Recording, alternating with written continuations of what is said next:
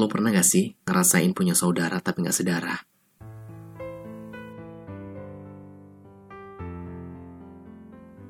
Di radio tempat gue siaran sekarang, gue tuh kerasa banget kekeluargaannya. Bener-bener hangat. Gue seneng sih. Pas masuk sini jadi banyak banget nambah saudara. Iya, yeah, saudara ketemu gede baik banget orang-orangnya. Meskipun gue pribadi datang ke radio kalau pas lagi mau siaran aja. Atau lagi rapat. Tapi gue tuh ngerasanya kebersamaannya tuh kental banget. Yang gue rasain sih emang teman-teman sesama penyiar ya. Gak tahu kenapa. Berasanya hati kita tuh udah saling terpaut gitu. Banyak kesamaan-samanya gitu. Kita tuh bukan orang yang sering banget ketemu ya. Ya, saya hai aja gitu kalau pas mau siaran atau selesai siaran. Ketemu ngobrol-ngobrol bentar sama mereka. Ya udah, seringnya sebatas itu aja. Cuman yang gue seneng, kita tuh dengerin gitu loh siaran kita satu sama lain. Ini kebiasaan yang udah kita jalanin sejak dulu ya, pas waktu awal banget masuk radio. Jadi dulu hampir setiap hari kita tuh ngumpul buat di training jadi penyiar baru. Nah, sebelum resmi jadi penyiar, kita tuh wajib mantengin, nyimak gitu ya, dengerin dengan seksama siarannya teman-teman kita gitu. Ya, selain biar bisa belajar satu sama lain, juga sekaligus bisa kasih masukan satu sama lain gitu maksudnya. Apa yang udah bagus, Terus apa yang perlu ditingkatin gitu. Selain itu seminggu sekali dulu tuh kita sering banget hangout ke mana gitu. Entah makan, nonton, ngemol piknik, atau jalan ke mana gitu. Anak-anak radio selalu bisa jadi teman buat ke mana-mana. Gue seneng sih. Dan di radio tuh kita bisa banyak belajar. Banyak hal yang bisa kita pelajari. Yang paling pasti sih disiplin ya. Penyiar kan gak boleh telat. Gak boleh banget. Kita udah terbiasa tuh. Balapan sama waktu. Bahkan nih kalau lagi mau talk siaran. Kita tuh masih jago nyesuaiin berapa menit harus ngomong. Ya kan? Ngepasin outro sama intro lagu, terus ngepasin lama back sound, atau kudu muter musik-musik atau iklan yang harus pasti secara waktunya harus exact banget. Kita harus tepat. Nah, yang kayak gini jadi kebiasaan aja. Makanya kalau kita lagi jalan bareng, sesama anak radio gitu, insya Allahnya sih bakal on time semuanya.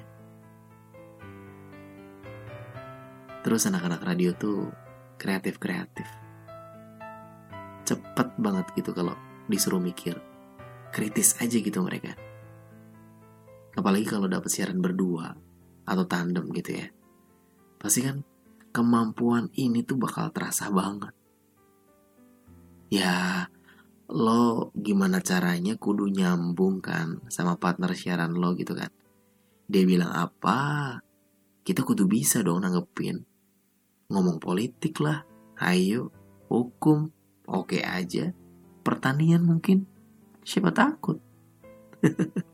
Semuanya dilibas. Ya, walaupun gak bisa dan gak nguasain, kita dituntut untuk terdengar serba tahu. Ingat ya, kata kuncinya ada pada terdengar serba tahu. Boleh kok, gak tahu beneran. Serius. Lalu nih, penyiar tuh juga jadi sosok orang yang kudu gampang gaul dan adaptasi gitu di mana aja harus bisa. Ya kan adaptasi sama suasana baru, sama orang-orang baru. Jadi gini, program radio itu kan macam-macam ya, banyak banget. Ada talk show lah, acara request muter lagu lah. Nah, lagunya aja kadang beda-beda. Ada lagu oldies, lagu persada. Wih, persada. Bahasanya tuh amit ya. Lagu Indonesia maksudnya ya. Terus ada lagu barat, slow rock, R&B, atau apa pun lah itu genrenya.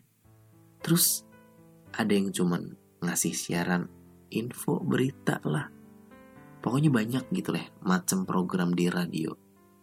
Nah, kadang-kadang kalau misalkan kita lagi halangan atau kita harus gantiin orang lain buat siaran, nah otomatis kan kita harus ganti ini di program tersebut yang kadang-kadang kita jarang pegang. Tapi kita juga harus bisa cepat-cepat nyesuaiin diri, gitu kan. Gitu. Nah, apalagi kalau misalkan di acara talk show. Nah, ini sering banget nih. Ada talk show dadaan lah atau apa gitu. Tiap hari kita mesti ketemu banyak orang kan. Narsumnya beda-beda. Orang baru terus. Ya udah, yang namanya penyiar kudu harus kudu harus bisa banget ngomong langsung dan nyambung sama mereka-mereka yang diajakin ngobrol. Ya biar tamunya nggak bosan, nggak bete. Ya kan? Jadi kebiasaan-kebiasaan ini tuh ngelatih banget buat kita bisa adaptasi sama orang lain. Gitu sih yang gue rasain di radio. Pokoknya seneng sih. Gue seneng banget deh. Bersyukur banget bisa jadi anak radio gitu. Cilah anak radio.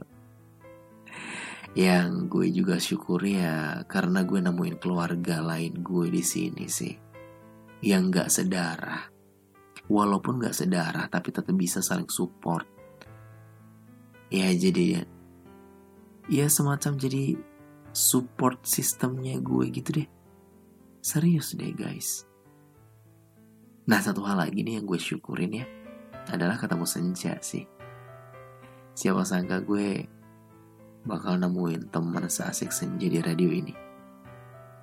Dia tuh ih dia tuh supel banget humble lagi orangnya. Semenjak jadi partner siaran gue, kita tuh makin deket satu sama lain. Parahnya, gak cuma deket secara fisik aja, tapi juga hati gue, perasaan gue juga udah, aduh gitu deh. Parah sih, gue tuh udah seterbuka itu loh kalau sama Senja. Apa pun gue bisa cerita sama dia. Gue jadi kayak langsung pengen berkeluarga gitu sama Senja guys. Tapi kan gue belum yakin ya Senja mau apa enggak sama gue gitu kan. Ya ntar deh. Kita nikmatin aja hubungan persahabatan kita ini. Asik. Once more yang gue syukuri adalah Thanks God, terima kasih banget udah mengantarkan gue pada posisi sekarang. Ya meskipun banyak banget halang rintangannya, tapi gue mau fokus aja deh sama yang happy-happy gitu kan. Ya kan guys? Lo juga gak sih? Lo udah bersyukur gak hari ini? Udah dong. Udah kan?